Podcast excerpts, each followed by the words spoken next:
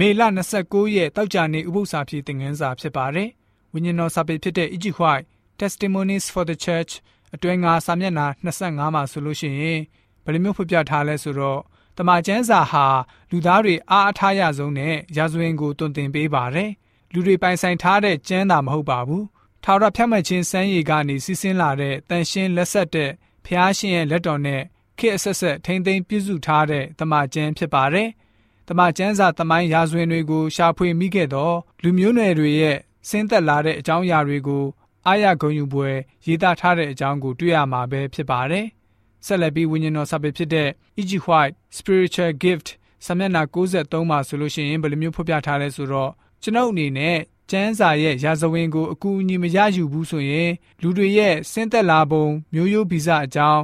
ဘလို့မှ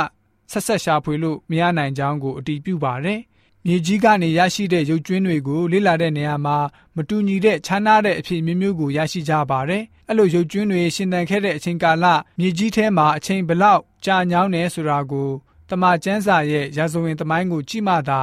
နားလည်မှာဖြစ်ပါတယ်။ကျမ်းစာဖော်ပြချက်အတိုင်းနှုတ်ကပတ်တော်ရဲ့တွင်တင်မှုကိုဖီဆန်လို့မရပါဘူး။လူသားတွေဟာတမန်ကျမ်းစာရဲ့ဖော်ပြချက်ထက်ကျော်လွန်ပြီးတော့ဖန်ဆင်းခြင်းရာဇဝင်ကို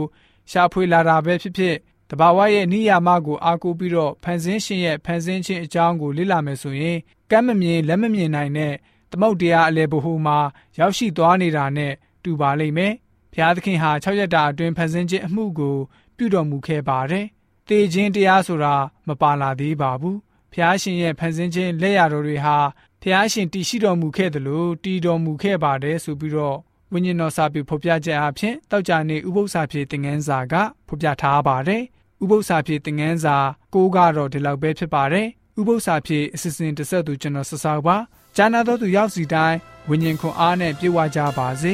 ကျေးဇူးတင်ပါတယ်။